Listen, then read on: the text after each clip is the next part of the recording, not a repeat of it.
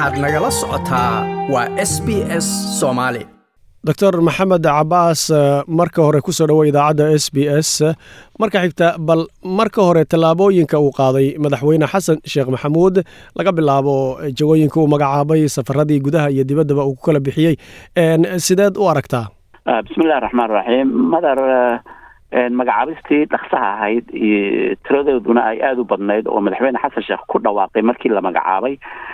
Soomaalidu runtii inta badan si isku mid ayay uga falcelisay. Waxaana loo arkay madaxweynuhu inuu aada iyo aada ugu degdegay marka la eego sida dhaksaha ah iyo tiradii faraha badnayd.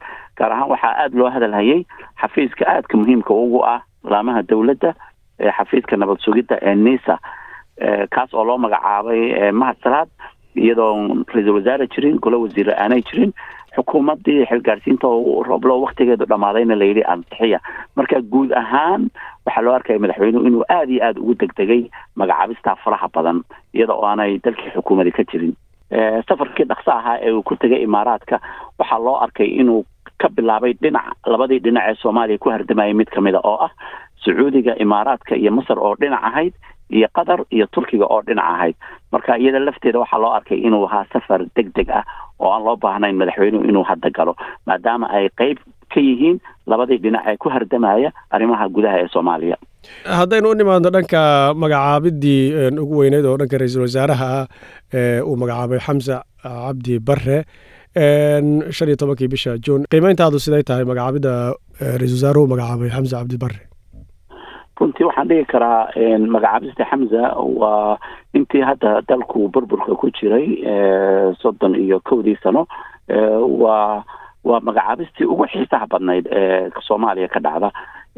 Sababtoo ah waxaa la dareemayay in muddo ah guud ahaan soomaaliya maadaama qaybsiga awoodda siyaasadeed lagu dhisay qaabeeleed waxaa la qiyaasayay inaanay cadaaladda aada uga fog tahay in deegaano aada u fara badan oo maaragtay ka tirsan gobolka bakool iyo dhammaan jubbooyinka family dega in aan xilkaa sare aanay dalka weli qaban.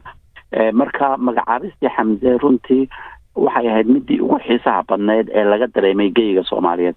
Ha ahaado mid gudaha jamhuuriyadda soomaaliya ama ha ahaado dhulka soomaaliyeed ee waddamada deriska ah sida waqooyi beri kenya iyo gobolka soomaali galbeed ama gobolka ogaden region loo yaqaan. Marka magacaabistiis waxaan dhihi karnaa waa midii ugu xiisaha badneyd ee ka dhacda geyiga soomaaliyeed intii dalku burburay. Marka si aada iyo aada ayaa runtii xamse loo soo dhaweeyey magacaabistiisa waxaana loo arkaya inay ahayd mid aada iyo aada u soo dahday oo ahayd inay mar hore dhacdo isla xamse inagoon ka bixin ra'isul wasaaraha cusub waxaa taariikhaan aan ku hayaa inaad waddanka maleeshiya muddo isla joogteen intuu ardada ka ah ardayga ka ahaa adiguna halkaasaad arday ka ahayd. Intaad ka taqaana ra'isul wasaare xamse cabdi bare waa nin noocee? Ah runtii saaxiibka xamse waa nin shaksi ahaan aada u akhlaaq wanaagsan oo aada u degan oo afgaaban.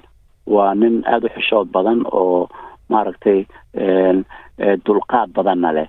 Xamse saad og tahay mother waa nin diintana aada u yaqaana dhinacii culumta maadigana ku darsaday. Marka anoo muddo dheer maleeshiya jooga ayuu noogu yimid magaalada kuaalalambuur isla jaamacaddii aan dhigan jiray ayuu ku soo biiray. Shahaadada labaad ee heerka jaamacadda ayuu qaatay oo dhinaca maamulka iyo maareynta ah. Xamse waa nin luqada af ingiriiska iyo af carabiga ku hadla aqoon fiicanna diinta islaamka u leh. Marka waxaan dhigi karaa magacaabistii xasan sheekh magacaabay xamse waxay ahayd tallaabadii ugu habbooneyd ee uu qaaday. Dabeecadda wanaagsan oo dabcan qof walba looga baahan yahay laakiin qofka hoggaanka ummadda qabanayana waxaan aada iyo aada ugu kalsoonahay inay xamse ka caawin doonto inuu dadka isku wado una sahli doonto in uu si fiican u guto waajibka uu u hayo qaranka soomaaliyeed. Marka xamse waa shaksigii ugu habboonaa baan leeyahay hadda oo loo magacaabay xafiiska koowaad ee golaha wasiirada ee soomaaliya. Saan kuu sheegay mather xamse waa nin aada iyo aada u dulqaad badan oo maaragtay sifooyinka aan ku arkay oo aada ku wanaagsan. Waxaa ka mid a dad isku wadista. Maaragtay inuu yahay nin dadka oo dhan maaragtay isku wadista. Mar waxaan xasuustaa khilaaf aada u weyne soo dhex galay jaaliyadii soomaalida oo aada u ballaaran oo dalka maleeshiya oon anu markaa guddoomiyaha ka ahaa xamse kow wuxuu ka ahaa xubnihii la soo xulay oo hormoodka ku ahaa oo khilaafkii jaaliyadda u dhexeeyey soo dhameeyey. Xamse waa nin asxaab ku leh deegaan kasta oo soomaaliyeed oo maaragtay taasina ay u sahlayso inuu xiriir fiican leeyahay qeybaha kala duwan maaragtay shacbiga soomaaliyeed. Intaa waxaa u dheer xamse waana nin qurba joog dhinac ka ah oo intaanu maleeshiya iman ka horna jaamacadda la yidhahdo jaamacat alculuum watechnologia ama university of science and technology ee dalka yeman buu ka soo baxay. Kadibna malaysia ayuu muddo nala joogay. Madar waxaa kaloo mudan in la xuso in beri oo bishu ay tahay sagaal iyo labaatan maalin arbaca bisha lixaad labada kun iyo laba iyo labaatan.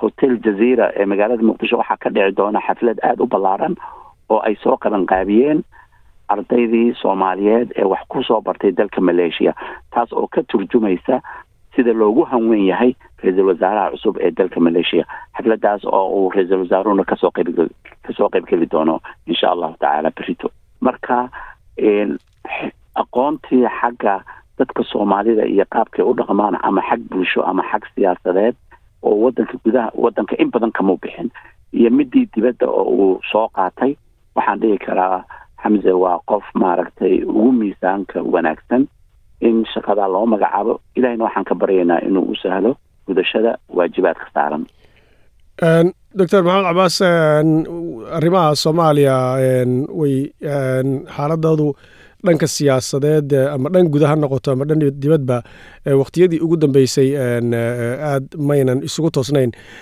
Maxaad is leedahay heer arrimaha gudaha dhanka soomaalida dhexdeeda iyo sidoo kaleete heer gobol ama heer caalami intaba siyaasadda soomaaliya ee meelo badan ka murgaxsanayd muxuu ka qaban karaa isaga iyo xukuumaddiisa la filayo?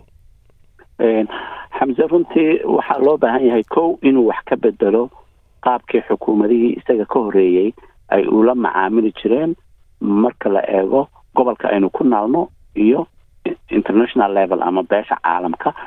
Waxaan arkaa xamse inuu khibrad fiican leeyahay oo ah xagga regional levelka oo ah wadamadan deriska aynu nahay iyo khaliijka iyo dhulka. Waxaana mudan in la xuso madar intaan xasuusto xamse waa ra'iisul wasaarihii ugu horeeyey intii burburka dalku dhacay si fiican ugu hadli kara luqada carabiga taas oo aan ku rajo weynahay inuu bal si fiican u toosiyo xiriirka soomaaliya iyo waddamada carabta oo soomaaliya armeyada faraha kula jira aanaan noqon uun dalku meel ay ku hardamaan wadamo carabeed oo aan iyagu heshiis ahayn marka taa rajo aada iyo aad u weyn ayaa laga qabaa xamse inuu aada u wanaajin doono xiriirka soomaaliya ay la leedahay caalam alcarabi dhinacan regional levelkana waa nin u dhun daloola oo wadamadan africa iyo african unionka inuu aada u wanaajiyo wuuna leeyahay aqoontii iyo khibradii uu middaa ku saman lahayd. Middan beesha caalamkana maadaamuu soomaaliya muddo dheer ku joogay xamse meelo badanna uu ka soo shaqeeyey oo waad ogtao dowladdii xasan sheekh ee labada kun iyo laba iyo tobankii wuxuu ahaa maaragtay la taliyaha wasaaradda dastuurka qayb buu ka soo qaatay dib u eegistii dastuurka sectorka waxbarashada aada buu uga soo shaqeeyey.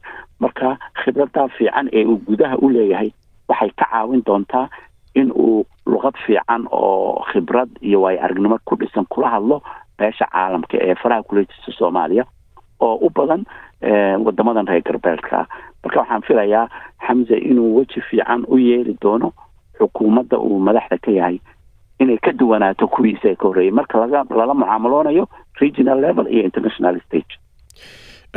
Doctor ugu dambeynta ra'iisul wasaaraha iyo xukuumaddiisa la filayo maxay yihiin caqabadaha oo ugu waaweyn ee hor yaalla ee loo baahan yahay inuu si fiican u wajaho? Wallahi caqabadahaasi waa kala badan yihiin. Waad ogtay madar waddan intaas burbursanaa. Toddoba toddoba qodob ayay sheegeen. Toddobadaa qodob oo oo madaxweyne xasan sheekh sheegay in xukuumadda cusub ay ku shaqayn doonto ee xamse soo dhisi doono. Toddobaduba waa arrimo hadda ka horna laga hadli jiray oo weligii. Laakiin waxaan ku rajo weynahay xamse inuu ka dhabeeyo ficil ahaan.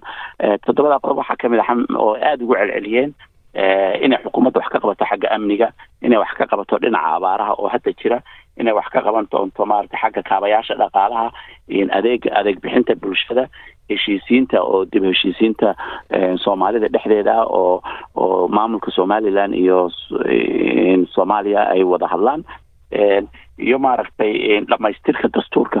Toddobadaa qodob oo ay ka ka dhigteen sloganka xasan sheekh iyo dowladda uu soo dhisi doono xamse toddobadaba waa arrimo laga soo hadli jira lakiin iyaga waxaa laga filaya oon ku kalsoonnahay xamse in uu maaragtay meel mariyo oo ra'yi wanaagsan dadku waa wada hayaan laakiin meelmarintii baa la isku hayaa.